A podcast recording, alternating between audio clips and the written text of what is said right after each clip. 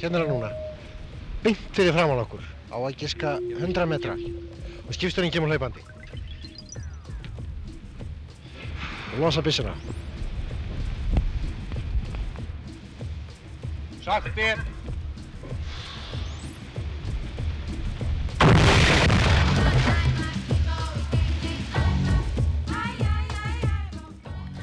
Lestinn í dag er tilenguð kvölum. Við ætlum að kynna okkur kvalviðar og kvalviði mótmæli hér á Íslandi, bæði í nútíð og fortíð. Ég heiti Lóabjörg Björnstóttir.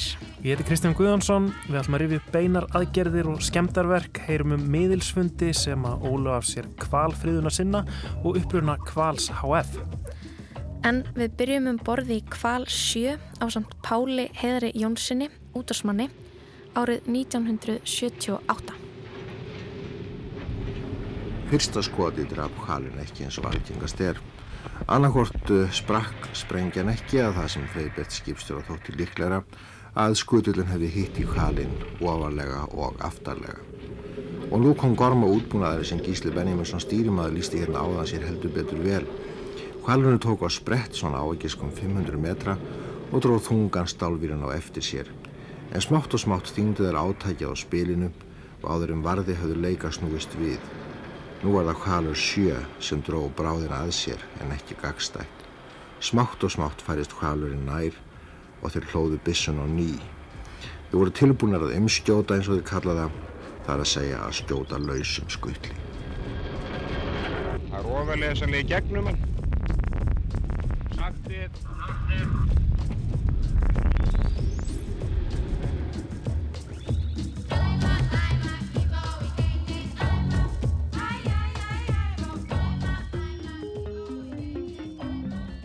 Veiðar á langreiðum hér við land eru ekki í samræmi við markmið laga um velferð dýra.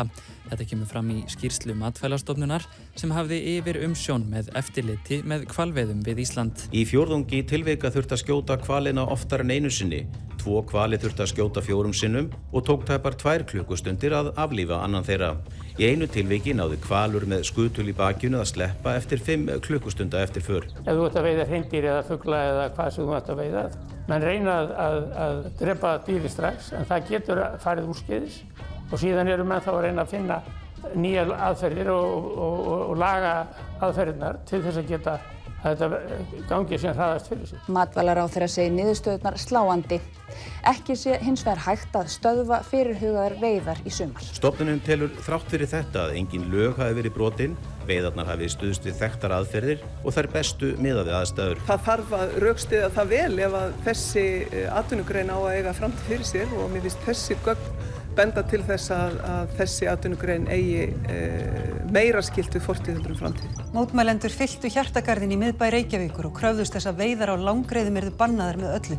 Á þriðja hundrað þúsund undirskrifta hafa sapnast þar sem skoraðir á stjórnvöld að stöðuva veiðarnar. Rán Flýring myndlistakonna er búsett í Nýjasjálandi en hún byrti fyrir nokkrum vikum myndasögu eða myndskýrslu. Myndskýrslu um hennar fullkomlega óskiljanlegu kvalveðar á Íslandi sem fekk mikla dreifingu á netinu. Sko, ég kemur náttúrulega bara mest til af því að ég vildi hérna, leggja eitthvað af mörgum. Ég hérna, hef svona, haft áhuga á umhverfismálum alveg bara mjög lengi, kannski eiginlega bara alltaf. Og svona einhvern veginn sett spurningamerki við eitthvað svona, svona algjöru yfir á hérna, okkar yfir hérna, náttúrunni.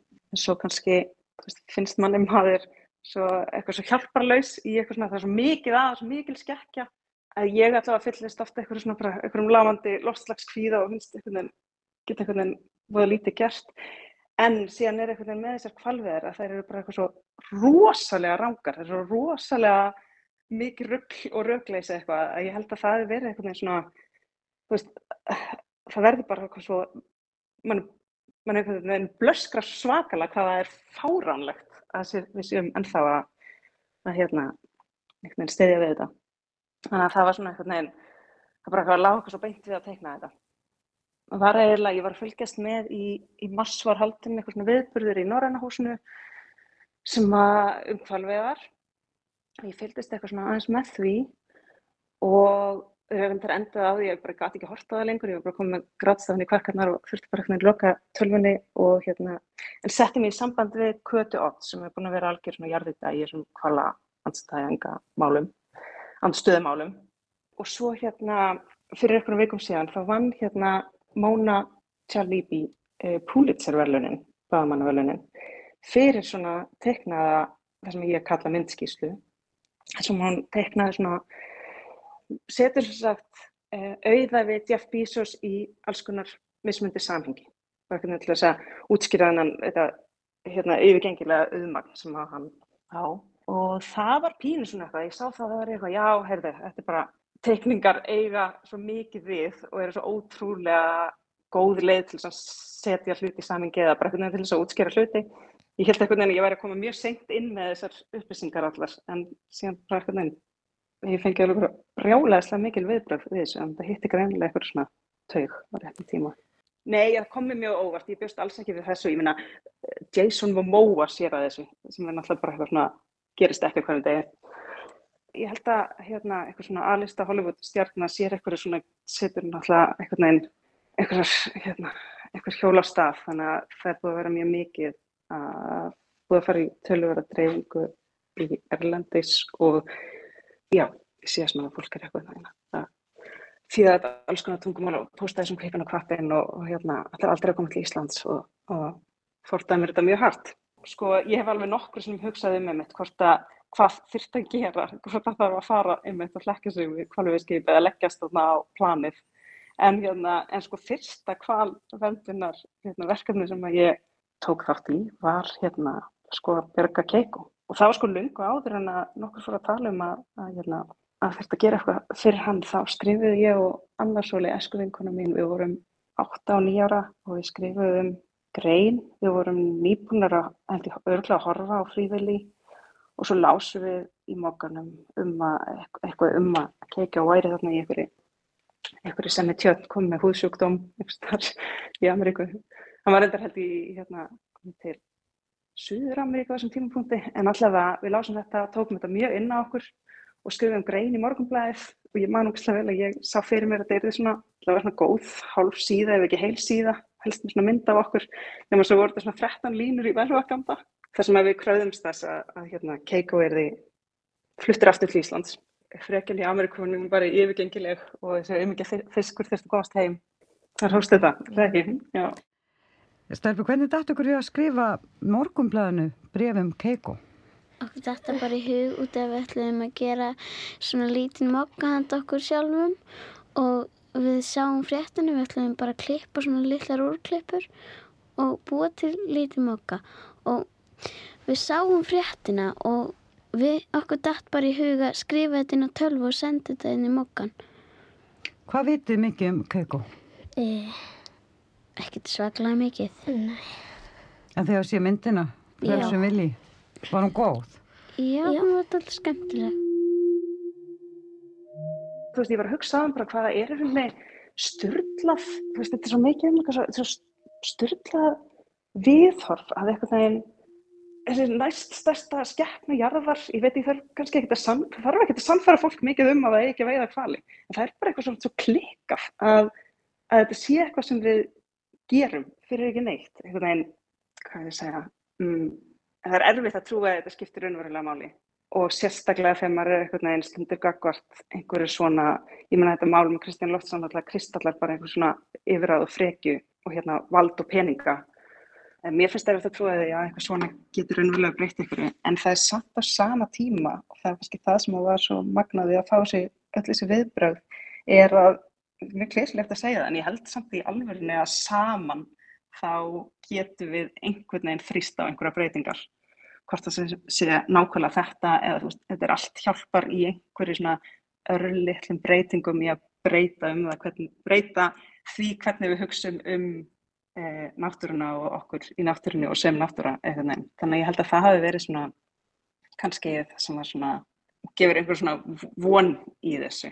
Allt í nöu heyrir maður í öllu þessu fólki bæði í Íslandi og Erlendis sem að er að spá í þessum málum. Og svo hérna, fekk ég tölupost frá manni sem að hérna, sagðist aldrei skrifundi neitt en, en þarna hefði hann hreinlega skipt með um skoðun og skrifaði undir. Það er eitthvað svona svona lítil atrið að það sem er ok, kannski þú veist, ef við hérna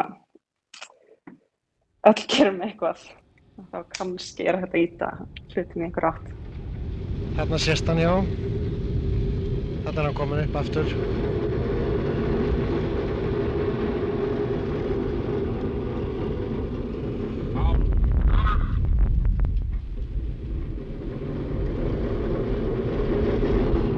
Nú er ég að umskott.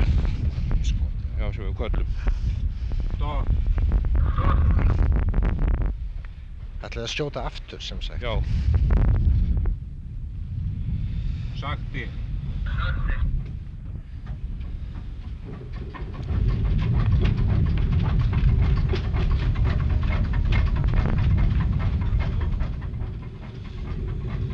Komum nokkuð benslali. Það er það stjórinn eða? Já, það er það. Það komur nú stjór.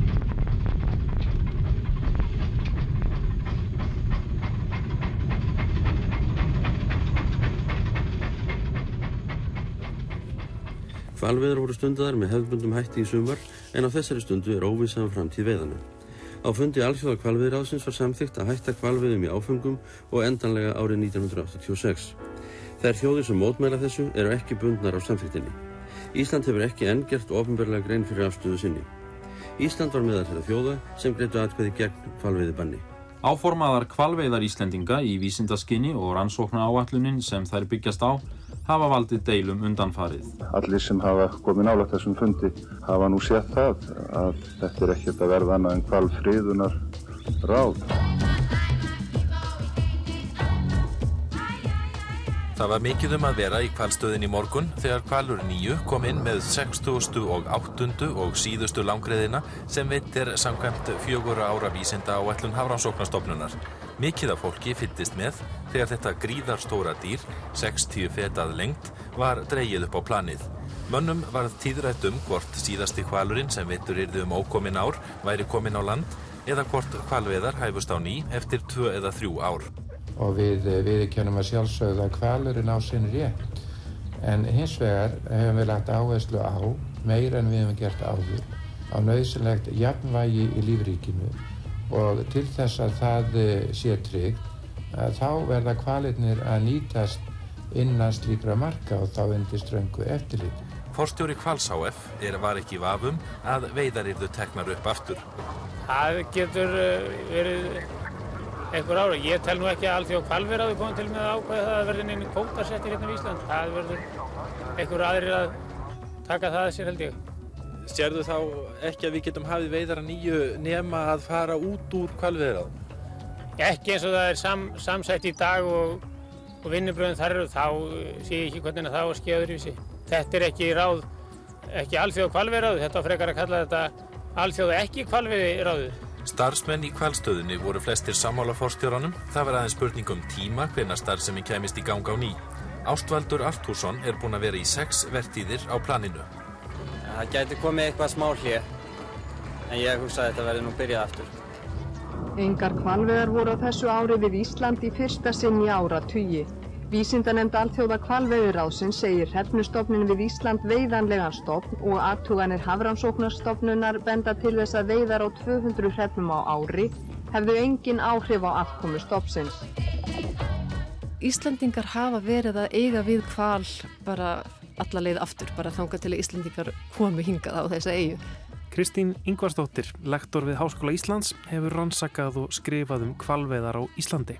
En lengi vel þá náttúrulega sérst var, þú veist, voru kannski mjög frumstæðar veiðar og náð, snýrist kannski mikið um að líka nýta hérna kvalið sem raka á land og svo framvegis. Í árhundruði þá voru miklar veiðar við landið en þær voru ekki stundar af Íslendingum. Það voru spánverjar, frakkar, norðmenn, bandarækjum en það voru ymsið sem að vittu við Ísland og í kringum um landið. Mjög lengi áttu Íslandingar enga hlutild í þessum veiðum. Þeir aftur á móti komu kannski tölvert að vinslunni þegar vinslan var í landi og margir sem að fengu aðtönu við það. Sko í rauninni stórkvala veiðarnar þær byrja mjög seint hjá Íslandingum sjálfum. Það eru þarna tilraunir með stórkvala veiðar á fjörða áratug, 20. aldar en mjög skamvinar og svo er það ekki í rauninni svona stórkvala veiðar eins og við þekkjum þær í dag. Þær byrja ekki bara fyrir en eftir setni heimstyrjöld þegar að Kvalur HF er stopnaður og fyrirtækið er stopnað 47, árið setna er það, er það byrjað að, að veiða.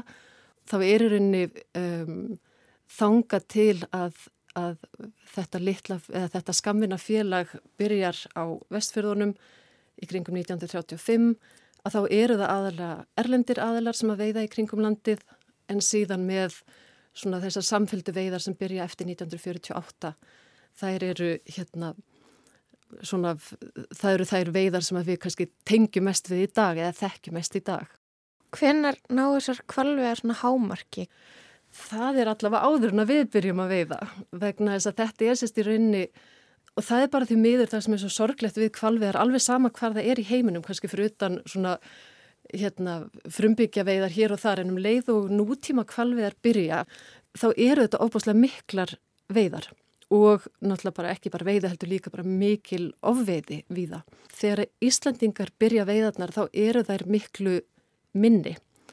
Kvalveiðar Íslandinga þær hafa aldrei náð neinu, sko, neinu í líkingu við það sem þessar, þessar helstu kvalveiði þjóðir við reyndar teljum okkur alltaf með þeim og einhvern veginn svona um, höfum svona kannski sjálfviljug alveg bara sett okkur í þann flokk án þess að kannski alveg skilja hvað það þýðir. En veiðar Íslandinga eru í allt, allt, allt öðrum flokki heldur en til dæmis Japana og, og Norðmanna. En svona kannski okkar vandamál er að við komum svo seint inn í þar við erum að byrja þegar allir aðrir er að hætta. Og það er það sem að skapar þessi, þessi miklu, miklu spennu og gaggrín er náttúrulega erundis frá. Íslandingar byrja 48 og það eru reyndar mjög miklar veiðar víða eftir setni heimstyröld. Þar var náttúrulega bara sérst, allt í mólum mjög víða þegar þannig að það vantaði ólju, það vantaði mat mjög víða, það vantaði dýrafytu í rauninni svona þá, þá fara tölvert miklar veiðar af stað strax eftir setni heimstyröld og þannig að Íslandingar koma svona fara með í þá, byrja þá og koma svona inn í þá bylgu en það sem að síðan er svo undarlegt það er að, að náttúrulega þegar að uppbygging er, er komin bara vel af stað og, og matvælaframlegslega hefur tekið við sér að nýju alls þar um, um bara heimina þá hefur náttúrulega átt að draga úr þessum veiðum kannski. En, en það er bara einhvern veginn halda áfram og áfram að vaksa en síðan smám saman sérstaklega sérst kringum 1960 og 70 og svo framvegist þá, þá er byrjað að friða meira, fleiri tegundir, byrjað að, að takmarka veiðarnar og margar þjóðir hafa algjörlega fyrri kvalveði þjóðar, er, er, þjóðir eru mjög margar orðnar algjörlega sérst ansnúnar kvalveðum. Þarna eru við fyrst að komast upp á lægið með veiðarnar. Þarna er, eru Íslendingar sjálfur, sérst Íslendingar höfðu mjög takmarkaðar einslu af stórkvalaveiðum þannig að þegar til dæmis að kvalur HF fer af stað þá alveg í upphafi þá er það til dæmis norðmenn sem að mikið stýra skipunum og stýra veiðunum en smám saman læra Íslandingar handtökinn og, og Íslandingar síðan taka alveg yfir sína báta. Svona stóra írónían er svolítið að, að um það leiti sem Íslandingar eru bara verða er að ná tökum á þessu að þá er verið að loka á kvalveðna svo víða og þá náttúrulega líka fyrir innflutning á, á afurðunum. Íslandingar eru svolítið að fara upp úr starfblokkonum þegar bara það er svolítið verið að stöðva þetta fyrirbæri sem kvalviðarnar eru.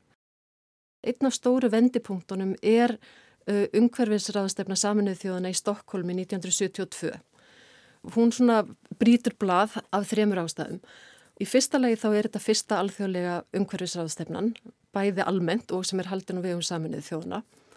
Uh, í öðru lagi þá er þetta þá alveg skjótast frjáls félagsamtök fram á sjónasviði þarna og cirka 250 NGOs eða sérst, hérna, félagsamtök taka þátt í raðstefnunni og síðan er þriðja stóra atriði, það er að menn er að byrja að tala um, um sérst, dýri útrýmingarhættu og, og öllum þeim vandamálum sem að, að náttúrulífi stendur framifyrir og kvalurinn hann verður bara alveg, hann verður algjör táknmynd þessara dýrategunda í hættu. Og það sem að gerist líka í Stokkólmi er að umhverjusenda samtök, þau ná óbáslum tengslum við fjölmiðla. Þannig að þau, veginn, þau, ná, þau ná svolítið að komast í gegn með sín skilabóð. Og það sem gerir sérn í framhaldinu, það er að á þessari stóru ráðstefnu þá eru flest ríkin þar sérst, sammála um að skrifa undir uh, áskorun um að hætta uh, kvalviðum í atvinnuskinni í yfir tíu ára tímabil. Þetta er þá 1972, næstu því allar þjóðurna sem eru þarna skrifa undir. En þegar það séðan kom með þessa tillögu í alþjóða kvalviðráðið þá náttúrulega bara kveðu við allt annan tón og sérst ríkin sem að, að stjórna þá kannski mestu þar voru alls ekki tilbúin til að, að skrifa upp á neitt slíkt en síðan tíu árum síðar, 1982 þá er stíið það skref að, að banna atvennu kvalveðar, þetta er ekki bann sem tekur gildi samstundis heldur tekur það gildi eftir uh, kvalveði tímabilið 1985-86 Og það sem gerist þá er að Íslandingar sagt, uh, gera ekki aðtöðasemtir við kvalviðbannið, þeir eru rauninni samþykja kvalviðbannið uh, en hefja þá vísindaveiðar í staðin og setja fram áallunum vísindaveiðar frá árunni 1986 til 1989. Það er kannski þar sem að svona alveg alvarlega síður upp úr eftir að um, kvalviðan má ljúka þetta 1986 að þá halda Íslandingar áfram að veiða en í nafni uh, vísindaveiða. Í lögum alþjóða kvalveðrásins þá, þá er sérst, einstök ríki geta veitt leiði fyrir vísindaveiðum og það er það sem að verður svo flóki. Það er í rauninni að, að, uh, reglurnar leifa vísindaveiðar og alþjóða kvalveðráð í rauninni getur ekki bannað Íslandingum að leifa vísindaveiðar. Þessi áallun varð fyrir gríðalegri um, sest, hérna, gaggríni allstaðar að og sérstaklega náttúrulega frá umhverfis, þessum umhverfisvendarsamtökum sem ég nefna á hann. Þannig að það, þetta 1986 þá þú ert að tala um stóru kvalvi deiluna er hún ekki kall, kalluð það þegar að bandrækjumenn vildi þrýsta á, á Íslandinga til að hætta kvalviðum og Íslandinga voru hann að spyrna á móti og þetta var mjög stort mál.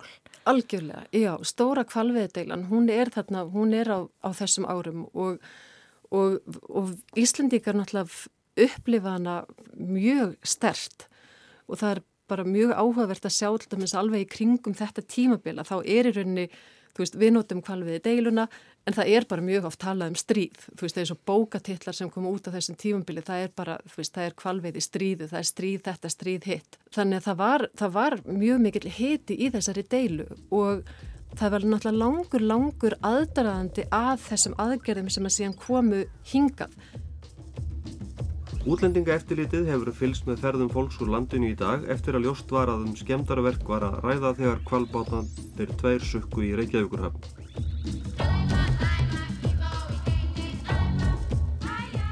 Og ég fer hérna, svona ég er velnilega eftirlitsverð, svona upp úr fimm. Það er aldrei vant í, vant slemt veður og svona tjekka á bæði landfestningum og öðru. Og þá tek ég eftir því að, að sjöan sem, er, sem var þá sem sagt miðskipið á millið 618 var lág aðeins neðar en, en 8 lunningin, lunningin á sjöunum var aðeins neðar þetta miðaði það þar er yfirleitt jafnsíð Fréttamaður útvarps var stattur niður við Reykjavíkurhöfn þegar ljóst var að botlóki hafði verið skrúaður af innanfrá í vélarúmi kvals 7 Kavarinn er Einar Kristbjörnsson. Það hefur skrúað við söndur botlókin og sjórun hefur flektarinn. Er það alveg, alveg greinilegt af, af vexumerkjum? Já, það fyrir ekkert að möglega mála.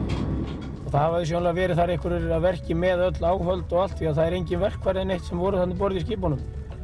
Þeir eru núna að, að, að undirbúa sundur að fara um borðið í en kval 6 og sjá hvað þar hafi skeið. Hér er greinilega um skemdaverk að ræða. Hverjir heldur þú að standa bak, bak við þetta? Ég veit ekki, það er nú erfitt að segja. Það er nú eflust margir á eftir okkur en, en uh, ég get ekki gert með það neitt í hólund. Þetta var Kristján Loftsson, fórstjóri Kvals HF. Sýtaðis í dag náði fréttamaður talaðu Pól Watson, einum aðalmanninum í Sea Shepherd samtökunum sem hafa viðurkjent að hafa sökt kvalbátunum tveimur í Reykjavíkur höfn í morgun. Uh, the vessels uh, were sunk at 6 uh, a.m. Uh, Icelandic time. That's when you. That's when your people were on board. No, they were on board before, but they went down at, about that time. It was uh, No, it was done uh, prior to that, a few hours prior to that. It takes a few hours to, uh, to sink a, a ship in that method. Í yfirlýsingunni segði að frá og með janúar 1986 væru kvalveiðar ólöglegar og ríki sem stunduðu þær ættu á hættu að kvalveiði skip þeirra yrðu fyrir aðgerðum til að stöðva veiðarnar. Samtökinn teltu sig hafa rétt til þess að framfylgja samþyktum alþjóða kvalveiðir ásins í ljósi þess að engin alþjóðlega laurugla væri til að gera það. Stórfeldar skemmtir voru unnar í kvalstöðinni í kvalfyrði um helgina. Starfsmenn urðu þess varir þegar þeir komu í vinnuna í morgun. Rannsóknarlauruglan er á staðnum og lauruglan í Borgarnesi hefur lokað svæðinu. Helgi Jónsson, starfsmæður Kvals HF í Kvalfyrði. Hvernig skemmtir eru þetta sem voru unnar hjá ykkur? Þetta virðist svona fljótubræðar aðalega vera á stjórnbúnaði, tölvubúnaði, mælum og... Getur þú nokkuð séð hvernig þetta hefur verið gert? Hefur þetta verið sprengt? Þetta hefur verið, það hefur verið gengið á því bara með bareflum. Með bara sleggjum eða einhverju slíku? Það er vísu ekki, það er ekki skilja eftir sinni verkværi. The Iceland decides to go whaling in the light of the overwhelming world opposition, then what they are doing is putting the interests of Christian Lawson in front of the interest of all the rest of Icelanders. Why embarrass your country further by supporting the uh, pocket of this one man instead of standing up as the strong environmentalist nation you are?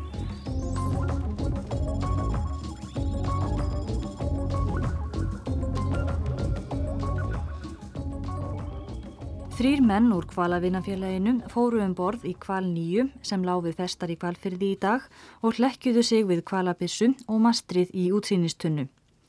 Báturinn var nýkomin í land með fjórar sandreiðar. Ég veit ekki hvað að segja um það að ég rekna nú ekki með því að við farir út með þá.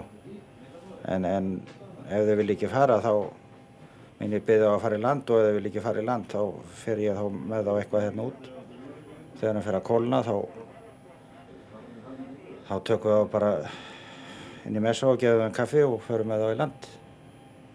Þannig að þú reiknar með að þurfa þá að fara sérstaklega í land með þá? Já, ég reiknar nú með því.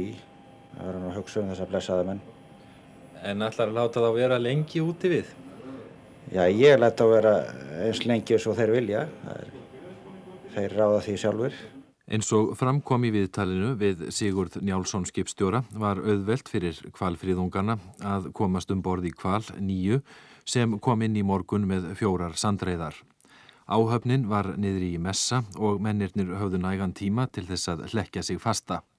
Einn hlekjaði sig með mikilli keðju við bissuna í stefni skipsins en tveir fóru upp í tunnu, komu fyrir tveimur flöggum öðru með hauskúpumerki, mertu kval en hinnu með slagorði. Þá hlekjuðu þeir sig fasta við mastrið. Skömmu síðar komu skipverjar á vettvang, klifruðu upp að tunnu og skáru niður annað flaggið og um leið í ógáti að þeirra sögn bakpoka með myndavélum og linsum og öðrum búnaði. Magnús Skarpjæðinsson, talsmaður þremenningana og kvalavinafélagsins, sagði að allt sem í pókanum var hefði eidilagst. Sá þrýmenningana sem festi sig við bissuna heitir Benedikt Erlingsson. Ég heiti Benedikt Erlingsson. Ég man ekki, hvenar er þetta? 87? Þetta er 19. september það sem aðgerðnar. Já, akkurat, þá er ég nýjórin 18. Já, ég er 18 í mæ. Manstu vel eftir atbyrjurásin í kvalferði þarna 19. september? Já, ég, eða ég man og ekki man, minnið er, er gloppot og skrítin skefna. Ég, ég man það sem ég kýsa muna. Mm -hmm. En ég, ég hef eitthvað frásögn í hausnum um þetta, já. Mm -hmm. Hefur þú hugsað mikið um þetta svona síðan? Um, um, nei, þetta hefur reyndar vitja mín aftur í öðru formu og ég hef aðeins unni með þetta í mínu starfi sem sögumæður og í kvikmyndagerð og, og gerði síðan kvikmynd sem það sem svona mín reynsla þarna aðeins hjálpaði mér og, og var svolítið svona vinsla úr þessu. Þá erstu að tala um konu fyrir stríð? Já, og, og reyndar var þetta svo, kom mér óvart að í svona eftirmálunum kynningum á þeirri mynd þá var þetta oft tekið upp af erlendum bladamennum og ég var í terroristi, gammal terroristi það er eitthvað skemdarverkamæður eins, eins, eins og hún. Ég kynist indislegu manni sem heitir Magnús Skarpiðinsson mér fannst hann mjög skemmtilegur og merkilegur og fróður og, innblásinn og, og það byrjar eiginlega þannig að ég er ég, er, ég hef áhuga á líf eftir dauðan á þessum árum og, og, og er í svona sálarrannsóknarfélagi með honum. Og við erum, að, við erum að reyna að leita sönnunum fyrir líf eftir dauðan og förum á miðilsfundi. Og svona út frá því þá eh, er hvala vinnafélagið stopnað eða hann, ég man ekki hvort það var til áður en þetta er. En svona þarna leiðist ég inn í, inn í þennan félagskap og verð áhuga samur um þessa hluti. Ég, ég var auðvitað bara hérna eins og öll ungmenni og börn eru full af empatíu og hérna og réttlætti skjönd og ég held að það sé svona grunn staða allra nema þessi einhvern veginn bjagaður á leiðinni. Þannig að það þurfti ekkert mikið að sannfæra mig um það og það var náttúrulega áttisir stað þarna að gerð mjög pólitísk leikus sem ég fannst mjög inspirandi sem var Sea Shepherd sem, sem söktu tveimur bátum í Reykjavíkuröfn. Í dögum sefur speil hafsins kjölur býr til sá Og þetta var auðvitað pólitísk leikus og einhver staðar var ég mjög heitlaður líka af leikusi á þessum árum og pólitískum aðgerðum og og, og við vorum auðvitað á þessum árum líka í svona aðgerðum í kringum kennararverkvall tókum þarna herskildi fjármálaráðunitið á sínum tíma í einhverju lungu verkvalli og, og vorum eitthvað að vandalisera ráðhúsið í, sem var í byggingu mála eitthvað, eitthvað dónulegt á það og svona við lokuðum yeah. mentamarráðunitinu uh, vegna tilgámsleisis skrifum við áttir þessum og lokuðum með gullkæðjum eitt morgunin maður hefði verið dreinin í einhverja pólitík og það var svo leiðilegt, það var bara svona fólk satt á fundum og var í statusleikjum. En, en þetta var eitthvað svo mikil orka og gleði í þessu að miðla bóðskapnum gegnum eitthvað ósynlegt leikus eða, eða einhverja aðgerðir. Þannig ég hef kannski verið svona innstiltur fyrir þetta. Kaldastriðið sko er bakgrunin og, og, og það var auðvitað lífshættulegt á morgan átt taka þann slag en þetta var svona svæði það sem var hægt að beita sér. Trúður á draumsins heimskuröld En sko fyrir mér var kvalavinnafélagi svona reglífarsamtök. Eh, þarna voru allar gerðir og allar tegundir á skoðunum eða forsendum. Um, og það var auðvitað bæði styrkur þessar félags og veikleiki séu til því að ég var náttúrulega bara kjötæta en sá þarna réttilega eins og svo margir aðeir að þarna voru sannlega dýr í útrýmingahættu. Veiðisaga þeirra í heimsögunni síndi fram á það að það var svona efnarslegur segja, gildra að, að kvalir enda alltaf í útrýmingu ef þeir eru veitir á svona eðinar basis þeir hafa það hæga viðkomu og svo hafði allþjóða kvalverið að þau komist að þessari sömniðustu og bannað kvalveðir á langreið og, og sandreið og Íslandikar höfðu samþykta en það voru góðir vinnir þarna sem höfðu tengsl og þá var búin til þessi, þessi reglugerðum vísindaveðar þar sem var, voru gefnir svona ríflegir kvótar þar sem áttu að telja að skoða einhver 120 dýra þessari tegundur og svo framvegs og það kom setna í ljósa meiri segja að þessi svo kallaði vísindakvóti hann var að ganga á stoppstærðina. Þannig að þessi dýr voru sannlega í útrýmingahættu og þetta var alveg nóg fyrir mig en sko félagar í kvalafvinnafélaginu sumir voru náttúrulega bara skilur í öllu litrófinu. Mm. og, og, og, og miklu öfgaminn á þeim tíma þó þeir þykki normal þeir voru bara mótið því að dýr væri drefin punktur. Og, og kvalur var náttúrulega stóra spendirið og svo voru þeir sem lit á kvali sem svona æðri skeppnur eh, þú veist, greindari og gáðari stóðu okkur nær sagt, svona guðin rasismi. Og þar með ætti ekki að drepa þá og svo voru líka þeir sem bara, já, reynlega voru bara á móti öllu drápi sko og, og, og þetta eru þetta jáðar hugmyndir þá en eru orðnar eiginlega miklu meira mainstream í dag sko sínur okkur hvað gildismat getur breyst rætt Ég held að hún hef ekki verið plönu með miklum fyrirvara. Ég held að eh, hún hef komið frekar fljótt upp þetta bara sömar. Sko Magnús var náttúrulega arkitektinn sko að þessu öllu saman og, og hann har hóskili fyrir það. Ég, já, já, ég, ég var viljúr, ég var notaður og plani var því ég var settur á bissuna að því að við heldum að ég erði kliftur af henni fljótlega og gæti þar með opna trandin og talaði við fjölmila. Ég, ég var sinns strax þarna orðin svona taliglað en hetjurnar fóru upp í mastrið. Við erum hérna fulltrúar frá Kvalavínafélagi Íslands að mótmæla ólöglegum veiðum Íslendinga á kval og erum við raunin hérna fulltrúar alþingis Íslendinga að hérna framfylgja hérna samþyggt þess þann annan, annan februar 83 þar sem alþingi Íslendinga samþygti hérna kvalviðbann alþjóða kvalviður ásins. Óttast ekki það að það verði að vel farið með því út og þú blotnir allur og kólnir? Það verður bara að hafa það, hérna, það er eitthvað meira í húfi má ekki bara hugsa um sjálfan sig Þykir þér það rétt að fara hér um borð í skip í leifisleysi? Auðvitað er þetta, hérna, þetta kallar þetta ágang á eigur annara og, og þetta er sem sagt borgarlega óhlýðni en hérna mér þykir það mikið í húfi. Hérna erum við að ræða hérna dýrategund sem er samkvæmt hafiréttarsáttmálanum eign alls mannkins. Hvað heldur þú heldur að þú haldir lengi út? Ég, hérna, ætla ekki að hérna gefa neina yfirlýsingar um það. Ertu vel búinn vistum? Já, já, ég hef eitthvað forða. Nú ertu ekki í fötum sem að skýla vel fyrir eh, sjó og regni. Ertu ekki hrættur um að þér kólni fljótlega? Jú, jú, ef þið er hérna sjálfsagt verður þetta óalega allt, erfitt og vond og allt það en hérna en fyrir málstæðin alltaf verður ég þetta að halda út og hérna og ef hérna Hvernig mannstu eftir þessum sólring þar sem þú ert hlekkjaður við kvalveiði byssu? Ég man ég hef lært hérna hvæðið um, um Harðarholma á þessum tíma. Um helgu sem syndi, þarna var gott útsýni í Harðarholma ég iljaði mér við það í kvöldanum þetta var hansi kallt, þetta var í september.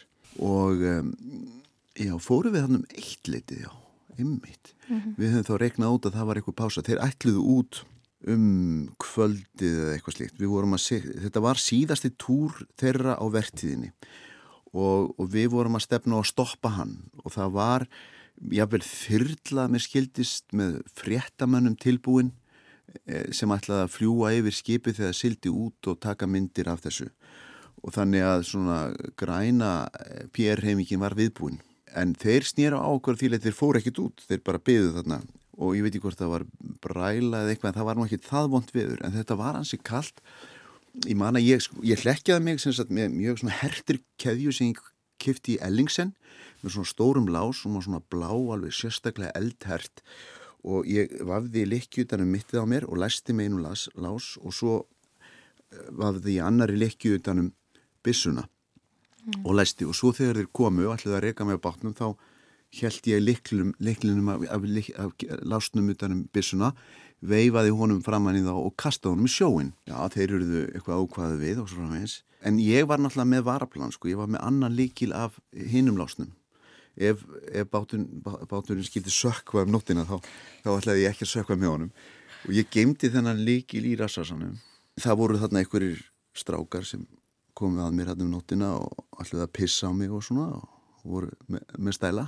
En það fór nú allt vel. Þeir voru nú mest kurtisir en við voru náttúrulega í þeirra augum ykkur fíbl skilur þeir náttúrulega Kjartan og Ragnar voru búin að pæla meira í, í sér og mastrinu Um, ég var eitthvað búin að finna út einhverja punta, var með einhverja, einhverja frasa á hreinu. Við pældum mikið í keðjunum og keftum keðjurnar og skoðum þær. Og svo var þessi tímasetting manni mikið og við vorum aðmálu verið þetta bíl, steppi sá um að keira okkur hann var dræfurinn og, og, og ég man bara eftir því hvað hérna, e, já, það var svona æsandi að keira kvalfjörðin sko og koma nær og nær og eru þau þarna við höfum ykkur upplýsingar um að það væri lítið að gera akkurat þarna og svo frá þess Hvað heldur þú?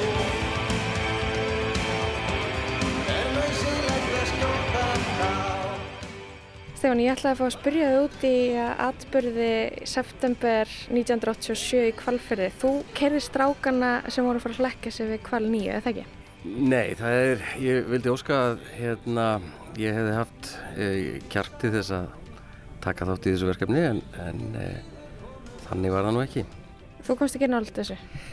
Já, við, við Benny fórum e, saman einu sinni þegar við vorum undirbúið okkur fyrir ræðukefni að hitta, hitta mann hér sem hann hefur á nefn afgreint sem var í tengslum við Sea Shepherd. Við vorum að undirbúið okkur fyrir ræðikefni þar sem að Sí Seppart var umræðafni og fengum þar alls konar tilbóðum að, um að aðstóða þennan eh,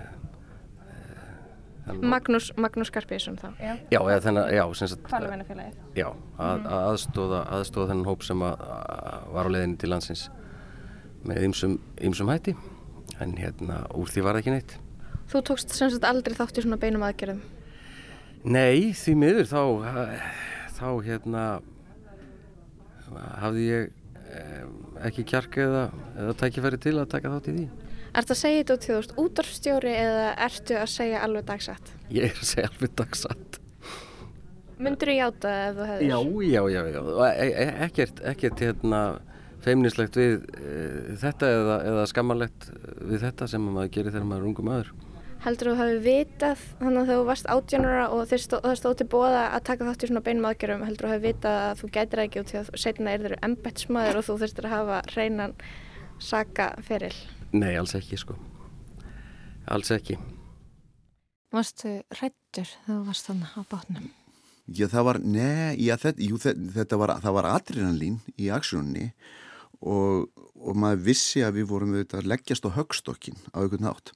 Þó við værum undibúnir þá eitthvað starf vissum við instinktínt að við réðum kannski ekki alveg öllu hvernig þetta kæmi út og, og það er einhver aggressjón í umfjöllunni og, og ég bjóst við því að vera lokksóðinn burt og ég bjóst við því að vera tekin í lauruglubíl í fangaklefa og eitthvað svona og yfirherður og, og það er eitthvað svo leiðis.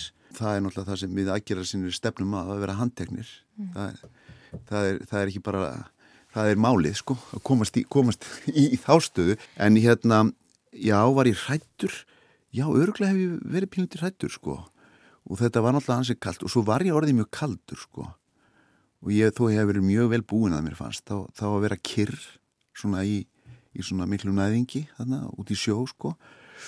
Það, það var alltaf þannig. Ég var eiginlega kannski komin, var hann eins og tæpur. Ég, ég held að þetta nú enda með því að það hefur verið læknir sendur og skoðað mig og, og hann greindi mig í, í einhverju kuldakasti eða eitthvað. Og þá rukuður til og loksuðu mig af sko. Já, ég var í flugmanna flugmanna hérna æðislega flottum svona flugmannajakka þú veist, þessum stuttu hérna gæruskins hvít, hvítir að innan og brúnir að utan og svo þegar sögum, söguðu mig af eða ekki loksuðu mig af þá beigði ég eftir því að það var búið sko og réttið eins og líkilina eftir ég var með auka líkil, ég var á líkjunni þannig. og þessi hlekkur hlekkir eru um þess að tilenda á sem ég hafði vitan um mig og er í hérna, húsi fóröldra minna En hverjir voru afleggingarna fyrir þig? Þú ert þarna hlekkjar í solring og svo ertu loksaðan í byrtu og hvað gerist svo? Já, svo fer ég bara heim til mín Þú bara stýgur upp í bíl og kerir heim? Já, kerir heim og, og, og, og það var ekki eins og lögurglömaður sem talaði við mig það var ekki eins og neitt slíkt ég talaði auðvitað við fjölmiðla þarna á ströndinni, ég held að stöð tvö og svo voru ekkur viðtölu á eftir á.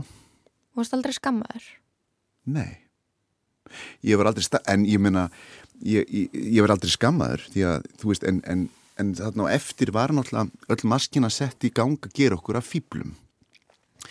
Og þarna er mjög interessant hvernig, sko, hver narratífan fyrir gang. Þarna er rauninni, þarna er litið á kvalviðar sem svona þjóðurlega hefð allt í hennu, þó að það sé ekkert þjóðlegt við yðnaðar kvalviðar Íslandinga. Við höfum reyndar aldrei veitt kvali, við erum ræjættur þegar kemur að kvölum en, en sko samt er þjóðlega stefið sleið og þetta var bara orðið eins og framald af þoskastriðinu. Þannig voru útlendingar að banna Íslandingum, við erum sjálfstæð þjóð með sjálfsáðkorun rétt og þetta eru bara útlenskir hérna, tindildátar og, og, og fíbl og það var mjög interessant sko að, að upplifa þá narratíu og hvernig hún var pikkuð upp ég man að Eiríkur Jónsson eh, sem var þá fréttamaður á stjörnunni hann var með einhverja meinlega djókað um okkur. Hér voru við með Brotta Brottason í ódvarpinu sem var gammal flensari. Þannig að þú veist, mað, maður allt í unum lærið eitthvað um Íslands samfélag, sko það eru víða tengsl og, og það er ekki endilega að það sé eitthvað byllinni samsæri gangi.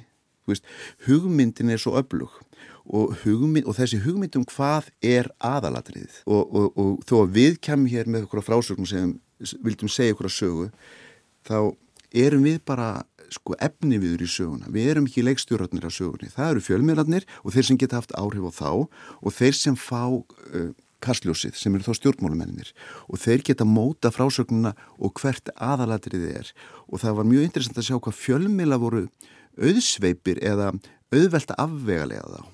Skil og það er að vandið mitt bladamannsins þegar hvað er getur verið auðvelt að segja blöðunum hvað er aðalatrið og, og þá sveigist umræðan þangað. Og þetta var alveg ótrúlegu skóli fyrir mig. Og auðvitað var reynd að gera okkur á fýblum og við vorum eitthvað nátt, ég var undibúin undir það en að því að ég, mér fannst ég var með fast land undir fótum þar að segja, þú veist, þá vissi ég eitthvað staðar að tími myndi snúa þessu við sem hann gerði svo sannlega en ég, ég, þetta er, hvað heitir, já, þetta var svona mörkunum að hérna kann, vera kansilerað sem á 18 ára einhvern veginn Rognin er að góma að geri, geri klár Rognin er að góma að geri, geri klár Seti dælunar í samband, takki svo seglum frá hefnuðust aðgerðnar? Fór kvalur nýju út að Nei, hann fór ekki út. Þessi síðasti túr, þessara vertíðar, var það ekki síðasti túrin. Þannig að við, við getum lifað á því, við getum selt okkur þá sögu, getum við sagt. Þannig að, og við allavega slóum þessa nótu og ég held, sko, eitthvað staðar er ég á þessu ennþá. Það er að segja, það er þannig í átökum okkar sem við stundum setjum upp á leikur, í leikúsinu leikúsið er veist, þetta plattform sem sjáum hugssjónur og hugmyndir okkar takast á án blóðsútællinga en einhvers staðar í þessu samfélagi erum við, þegar við semjum um gildin og finnum millileðina þá, þá er alltaf hverjir fá að koma stað samlingaborðinu og það eru ekki bara þeir sem hafa einhvern móral það eru þeir sem hafa einhvern nefa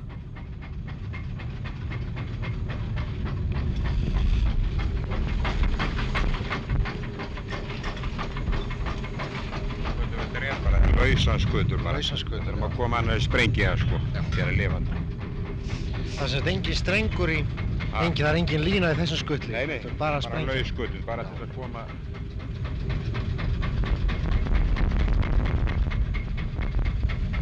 Komi að sprengjunni. Næsta skot á að drepa hann sem sagt. Það vona ég. Þeir eru örfá, þeir eru örfá skotin sem ég voru að tvískjóta í sumar, eða örfá kvali sem ég voru að, er að venlega dái bara við fyrsta skotið. Helst þeim er að taka séns af löngu færi sem að, að húka svona í þá, sko. Ég heiti Finnur og ég er forseti ungur umhverfisinu. Uh, við kröfumst þess að uh, veiðilefið, kvalveiðilefið verði uh, dreigð tilbaka á þeim grundvöldi uh, að kvalveiðar sé ekki sjálfbærar, að þær samræmist ekki markmiðum lagum dýra, dýravelferð og almennt bara að, að kvalir spili mikilvægt hlutverk í, í vistkerfum sjávar og að okkur beri að venda þá og, og visskerfin sem að þeir eru hluti af. Þannig að það er svona helsta krán að, að kvalveiðilefi verði dreigð tilbaka fyrir vertíðina núna í sumar til að koma í veg fyrir að uh, Kvalur HF veiði fleiri kvali heldur en þeir eru nú þegar búin að gera. Ég ef að leifið verður ekki dreigð tilbaka eða afturkallað fyrir vertíðina núna uh, sem ætti nú að byrja bara eftir viku kannski þá munum við láta reyna á alla möguleika til málsóknar gegn uh, Íslenska ríkinu og, og Kval HF uh, þá fyrir alla þá kvalir sem verður drefnir þannig við bara munum uh, reyna að nýta okkur alla, allar þær laglegu stóðir sem eru fyrir hendi til þess að uh, já, fá bara réttlæti fyrir fyrir náttúruna, fyrir vistkerfin og náttúrulega fyrir framtíði kynsluðir af því að það stýst ekki bara um, um kvalina sjálfa uh, þó þeir náttúrulega hafi rétt á, á þessu tilvistarrétt og, og náttúrulega sjálf uh, eigi rétt að, að vera til heldur er þetta í rauninni þess að veðar skadalegar okkur mannfólkinu líka og, og framtíði kynsluðum sérstaklega við viljum bara nýta okkur þetta tól, þetta lagalega tól til þess að sína fram á það að þetta er ekki í samræmi við okkar markmið eða gildi þessu samfélag að það sem við ætlum að vera stefna að Hafa eitthvað tímann beinar aðgerðir komið til greina hjá ungum umhverfisinum í þessum málaflokk? Hafið hugsað eitthvað skemdaverk? Nei, við höfum ekki rætt neina slíkar aðgerðir. Uh, okkar nálganir yfirleitt eru, eru að fara uh, í samtal, eða í samtal við fólk, samtal við ráða fólk. Það hefur reynst okkur ágætlega stundum og já, við, við reynum alltaf að byrja þar. Uh, við trúum á að við getum fært rauk fyrir því að, að það að stöða þessu kvalveðar uh, sé það sem við eigum að gera. Uh, og fyrst að við höfum vísindin með okkur í liði og við höfum hérna siðfræðilega sjónar með með okkur liði líka. Og vilja þjóðarinn er raunni uh, eh, þá teljum við ekki þörfa því að, að færi neina skemmtaverk uh, eh, já, teljum svona að, að aðra aðferðir uh, samtal og, og mótmælu og annað slikt sé áhrifir ríkara í þessu tilfelli. Já, nú hefur alls konar fólk verið að þrýsta á stjórnvöld að takmarka eða banna kvalveðar á Íslandi síðan 1900 70 eitthvað. Ertu vongóður um að það veri hlustað núna í þetta sinn? Já, þetta er góð spurning. Uh, það er oft erfitt að vera vongóður uh, þegar kemur umhverfis og losasmálum bara því að við erum komin á svo uh, kritiskan stað í öllum þessum málum. En við reynum að halda í vonuna og við erum vongóð að þetta takist núna sérstaklega í ljósi þess að það eru bara þrjú landi heiminum sem eru núna ennþá að stunda þessar kvalveðar. Uh, þannig að þetta er, þetta er úrrelt yðja og, og bara tímaspurtmál hvenar þessu verður hægt allstaðar. Uh, þannig að við erum vongóð á, á að þetta takist þetta skiptið, sérstaklega í ljósi þess að almenningur verðist vera að uh, svona fatta þetta líka að vísundin sína fram á það að þetta er eitthvað sem ættum ekkert að vera að gera. Myndur eitthvað sem hann hlekkaði við kvalveðskip? Úf, það er stortið spurt. Undir réttum í kringustafum myndi ég alveg íhuga það, já.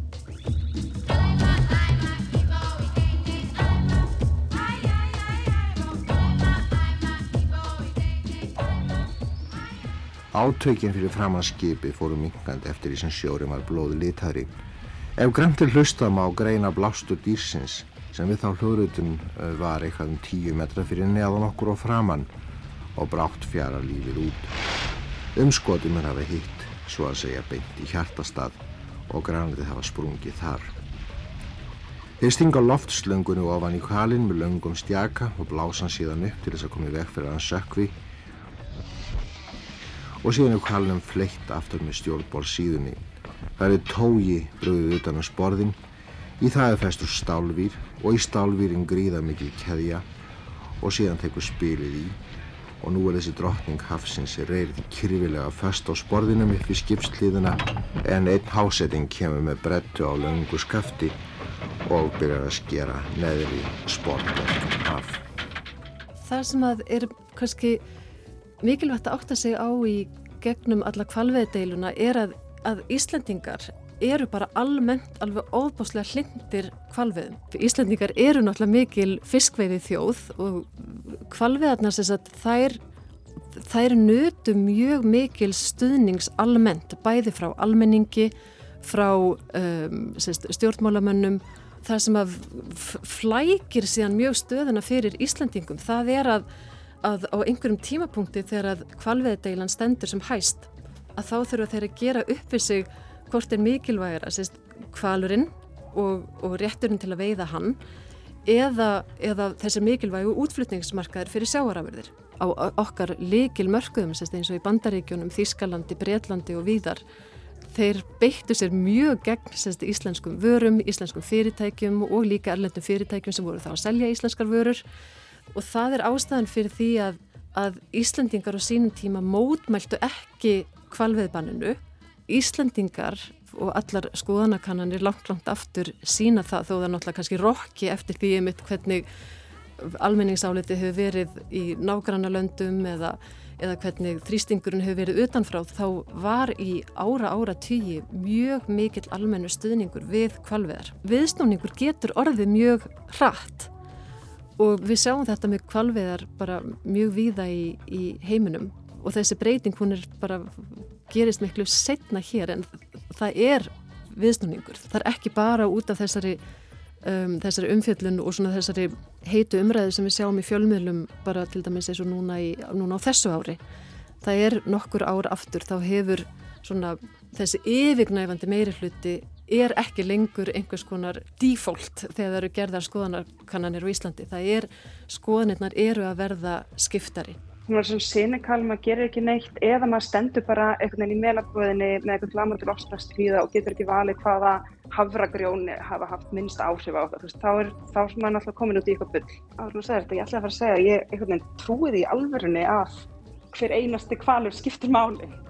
Alveg eins og hver einasta mannski skiptir máli. Að hérna, þú passar einmitt vel af því að það björguð einu kval og það skiptir máli.